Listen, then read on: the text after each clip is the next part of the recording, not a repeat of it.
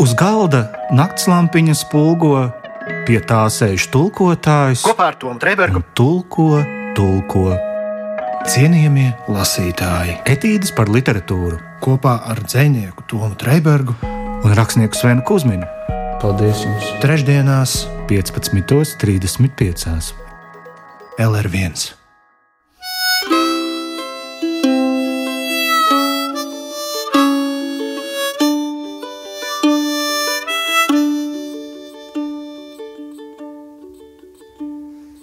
Die Ruinen vom Görlitzer Park were cold as a stone in the ground. Aber Steine sind ebenso stark as the rubble hid under the mound. Esiet sveicināti, cienījamie lasītāji! Esiet sveicināti tie, kas klausās, lasa un arī kaut ko pieraksta, iespējams, no tā, ko dzird. Pie mums šodien ir brīnišķīga viesņa, kas arī klausās, lasa, pieraksta un dzird. Dace Meijere, tulkotāja, tulkotāja un vēlreiz tulkotāja. Čau, Dace! Sveiki visiem tiem, kas klausās, lasa un nelasa. Sākam jaunu teikt, mūsu raidījumu ciklu. Iepriekšējā reizē mūsu padomdevējs bija Gunārs Godiņš, un izgājām cauri gan igauņu, gan arī latviešu literātu savstarpējām nu, tādam dialogam, varētu teikt. Dace tostarp ir pilnīgi cita virziena valodu pārzinātāja, tik labi itāļu, kā lietuviešu, tā arī spāņu. Drusku ir tulkots arī no katalāņu. Ar ko tā spāņu un katalāņu valoda atšķiras? Tas ir tāpat kā mums, tie latgalieši vai kā? Uh, nē, katalāņu un spāņu mēs varētu salīdzināt kā latviešu un lietuviešu. Kaut ko var nojaust, kaut ko var saprast, bet, ja cilvēks speciāli nav mācījies, tad, tad, tad tā ir pilnīgi atšķirīga un cita valoda. Un tu esi speciāli mācījusies? Es esmu nedaudz mācījusies, un, diemžēl, pašmācībā. Gan spāņu, gan katalāņu. Manas īstās valodas, tās, ko es esmu studējusi, ir lietuviešu un itāļu. Bet spāņu un katalāņu viņas tā nejauši ir uzradušās manā dzīvē, un es varu runāt tā kā turists labākajā gadījumā. Bet tulkot grāmatas tajā pašā laikā. Lai tulkotu grāmatas, nav jau ar grāmatu jāsarunājas. Tur ir vajadzīgas pilnīgi citas zināšanas un citas prasmes nekā tad, kad tu tulko mutiski lietuvisku un itālisku, esmu strādājusi arī par mutisko tulku vai, vai mm. šīs valodas pasniegusi. Savukārt spāņu un katalāņu es nekad nevienam nemācītu, ja nevienīgi sev pašai. Un tad vēl arī tas, ka, nu, protams, lietuviešu un nu, itāļu tekstus tulkojot, es jūtos daudz drošāk. Es labāk sajūtu oriģinālu, tas nav noliedzams. Kas, kas atkal nozīmē, ka no spāņiem vai katalāņiem tulkojot, es bieži tur blakus arī kolēģu darbus vairākās citās valodās. Nolieku blakus vienmēr itāļu tekstu vai piemēram katalāņiem spāņu, spāņiem katalāņu, tad vācu vai angļu tulkojumu sameklēju, nolieku blakus, un tad ir tāda drošāka sajūta, ka, nu, ja tur ir kādas atsauktas uz vēstures notikumiem, attiecīgi es nepārzinu to vēsturisko kontekstu tik labi, vai kaut kādu klasisko literatūru vai kaut kādi izteicieni, joki, ko es varu nenolasīt. Vienkārši man ir pārāk maz lasītāju un runātāju pieredzes tajās valodās, nu tad, tad kolēģu teksti man var palīdzēt to uzķert. Tas man šausmīgi laikietilpīgi ir. Nu, labprātāk es noteikti tulkoju no lietuviešiem un itāļiem. Drīzāk tā, ka itāļiem un lietuviešiem tādā secībā. Saki, lūdzu, kas ir nepieciešams, lai iemācītos valodu pašmācības ceļā? Mm, vēlēšanās iepazīt to pasauli, tās attiecīgās valodas nu, būtību, dzīvību, struktūru. Nu, droši vien arī vēlēšanās kontaktēties ar, ar, ar cilvēkiem un tekstiem.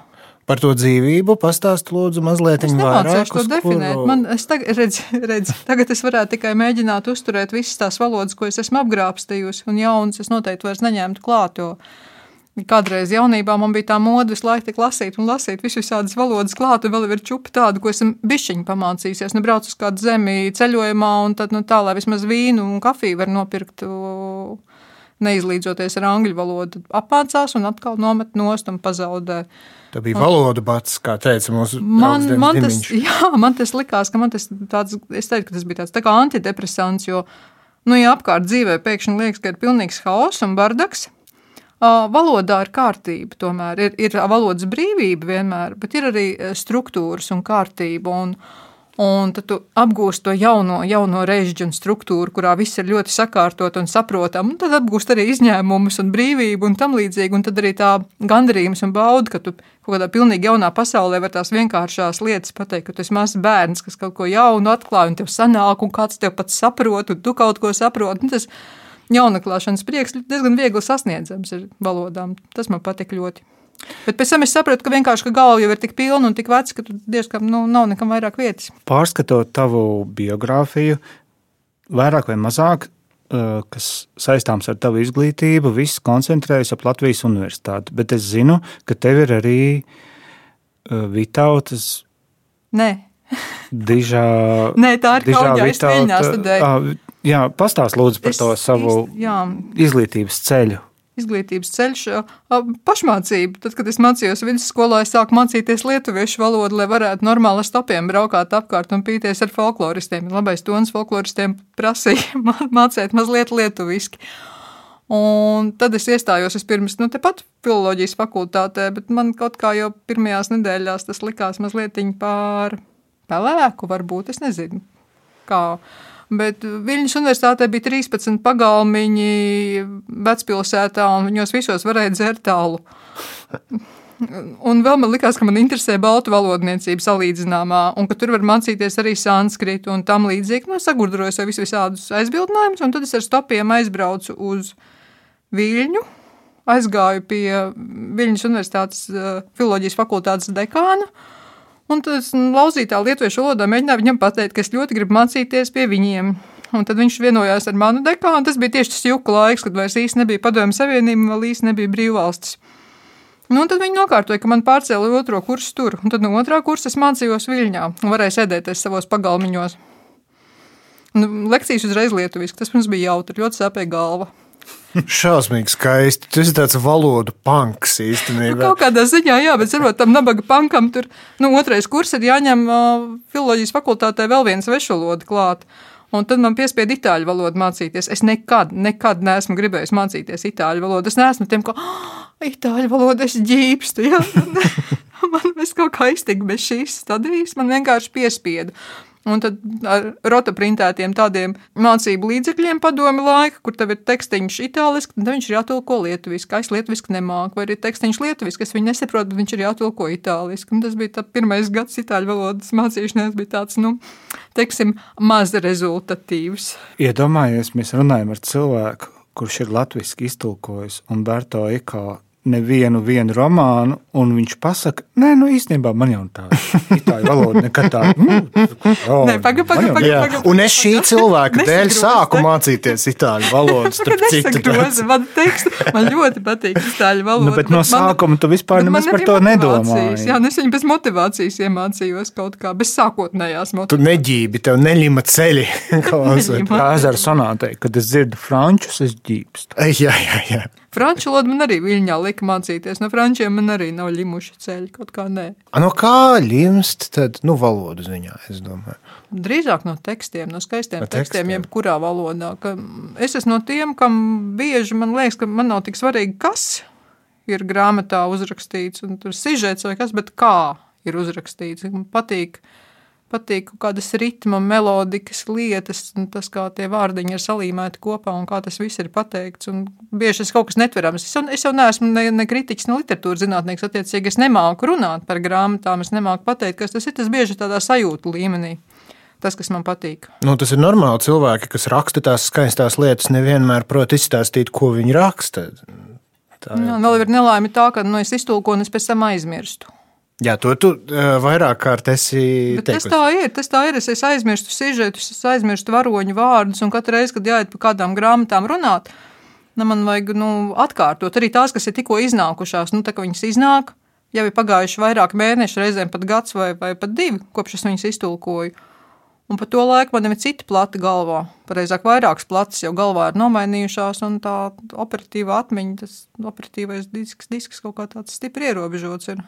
Bet vai tad, kad tev tādas nu, lielie lietu kopumi tev aizmirstās pēc tam, kad darbs ir padarīts? Vai nav tā, ka tas svarīgākais tieši aizķeras, un tad pēc tā, ko tu atceries, tad var kaut kā konstruēt tādu bildi par to, kas man tev vispār paliek, ir? man paliek sajūtu līmenī noteikti grāmatas. Es drīzāk atceros, kur un kā es tulkoju, un kā es jutos, kad es kuru grāmatu tulkoju. Arī tas biežāk. Nu, tad pastāsti, Dārci, ko tu esi atcerējusies un ā, atgādājusi mums lasīšanai? Es stāvēju ilgi pie saviem memoriāliem plauktiem mājās un domāju, kas varētu būt tas, ko, ko, ko jums, jums nest. Un pēc tam izvēlējos trīs grāmatas, un pēc tam sāku štukot, ka- kas viņām ir kopīgs. Nu, varētu teikt, ka tie ir trīs svarīgi 20. gadsimta teksti, katrs savā veidā svarīgs. Un pēc tam es padomāju, ka laikam tas ir vecums, ka man gribas klasiķus tulkot. Un, un arvien vairāk gribas tulkot klasiķus. Tas tāds dīvaini vecuma novirzes. Viens no tiem, ko es jums likšu lasīt, ir Primo Levi. Liksi. Likšu. Protams, ka likšu. Nu, jā, bet tā ir ļoti, tā ir ļoti laba nostāja. Man Mums to neviens nav pateica. šajā raidījumā licis. Tā kā, tā kā tev lika itāļu valoda. Tā. Labi, ne, es, es, protams, maigums man ir diezgan svešs, bet es varētu mēģināt lūgt jūs lasīt. Nē, nē. Liec mūs. Labi, es likšu jums lasīt, nu arī klausītājiem. Klausītājiem es lūkšu lasīt Primo Levi attēlpu. Tas ir uh, atgriešanās stāsts. Primo Levi ir Itālijas ebrejs, kurš kādu laiku pavadīja vienā no Aušvicas nometnēm, laimīgi izdzīvoja, pateicoties tam, ka bija slims uz, uz beigām. Un tad šī grāmata stāsta nevis par viņa pieredzi nometnē, bet tas ir jā, ceļojuma gabals, ceļojuma piezīmes. Viņš gandrīz gadu kuļas atpakaļ uz savu dzimto Turīnu. Un tādā diezgan ironiskā, melni ironiskā veidā atstāst visus tos piedzīvojumus, jo viņš nedodas pa taisno uz, uz Turīnu.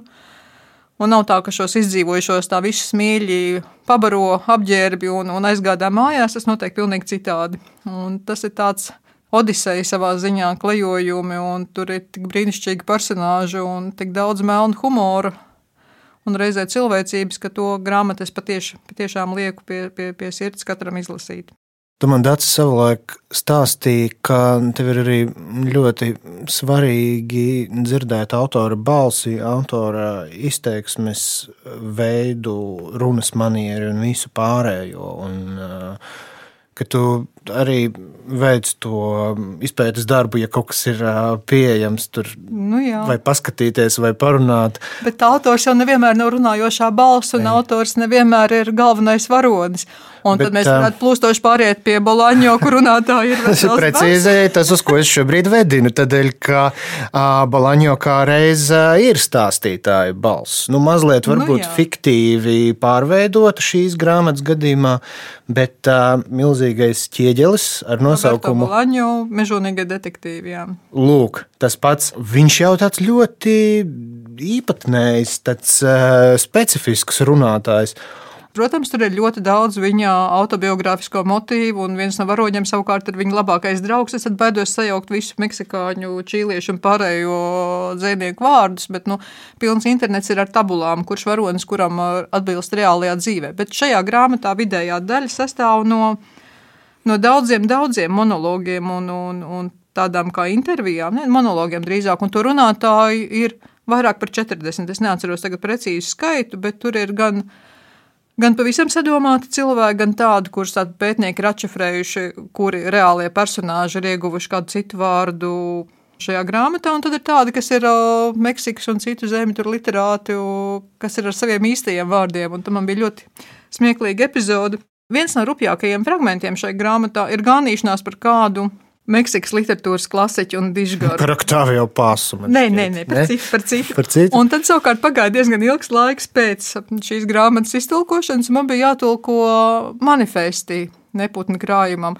Un tur bija šī reālā personāža paša teksts. Un man tā negāja to tulkot to tekstu. Un tad es meklēju mierinājumu, pārlasot viņam veltītās rupjības šajā grāmatā. Man tas patiesi iepriecināja. Man savukārt eh, bija tā pieredze, ka es viņu lasīju angliski, un es sevi apgrūtināju dubultā. Bet neskatoties uz to, ka es jūtu šo apgrūtinājumu, mani kaut kas nemitīgi tik un tā dzina uz priekšu. Un man viena no tām versijām īstenībā bija, varbūt, varbūt ka es to, to, to tā piesaistu tādā placebo efekta stilā, bet es jūtu, ka vismaz tik tālu, cik es tiku, ka tur ir kaut kāda virzība uz, um, ja ne atklāsmi, tad uz tādu šķīstīšanos, kura vienkārši uzsprāgsta kā pirotehnika, un kura varbūt nemaz nav šķīsta, bet kura vienkārši visu laiku tas nostiegrojums ir tāds, ka mēs meklējam, mēs braucam. Tu saprati, mēs kas ir literatūras būtība no šīs grāmatas, pēc kā viņi tur visi dzenās. Vai tu vari jā, nedaudz paturpināt to manu sajūtu, vai arī tieši otrādi pateikt, kur es aizbraucu garām savā interpretācijā? Nē, es domāju, ka grāma, šo grāmatu interpretējot garām aizbraukt nav iespējams, jo viņi ir tik piesātināts, tik sarežģīts un tik dažādi skaidrojams teksts, kā, kā ir vienkārši bezgalīgi iespēja interpretēt tur katru lapus. Un, Kāds ir labums atnest klasiķus uz, uz radio? Nevis var teikt, ka par katru no šīm grāmatām, ko es jums iesaku, ir sarakstīti vairāki plaukti ar monogrāfijām. Jo man savukārt, man pašai tulkojot, visinteresantākais, protams, bija tās dažādas balsis. Un, un, un tad, ja tur ir vairāk personāžu, kur runā četras un piecas reizes, tad es nevis tulkoju pamīšus, nu, tā kā iet grāmatā, grāmatas secībā, bet, piemēram, tulkoju viena vienu balsi, tad nākamo balsi, tad atkal nākamo un taisīja tabulas, lai viņi nelamātos vienādi, bet katrs mazliet citādi. Tas bija baigi interesanti.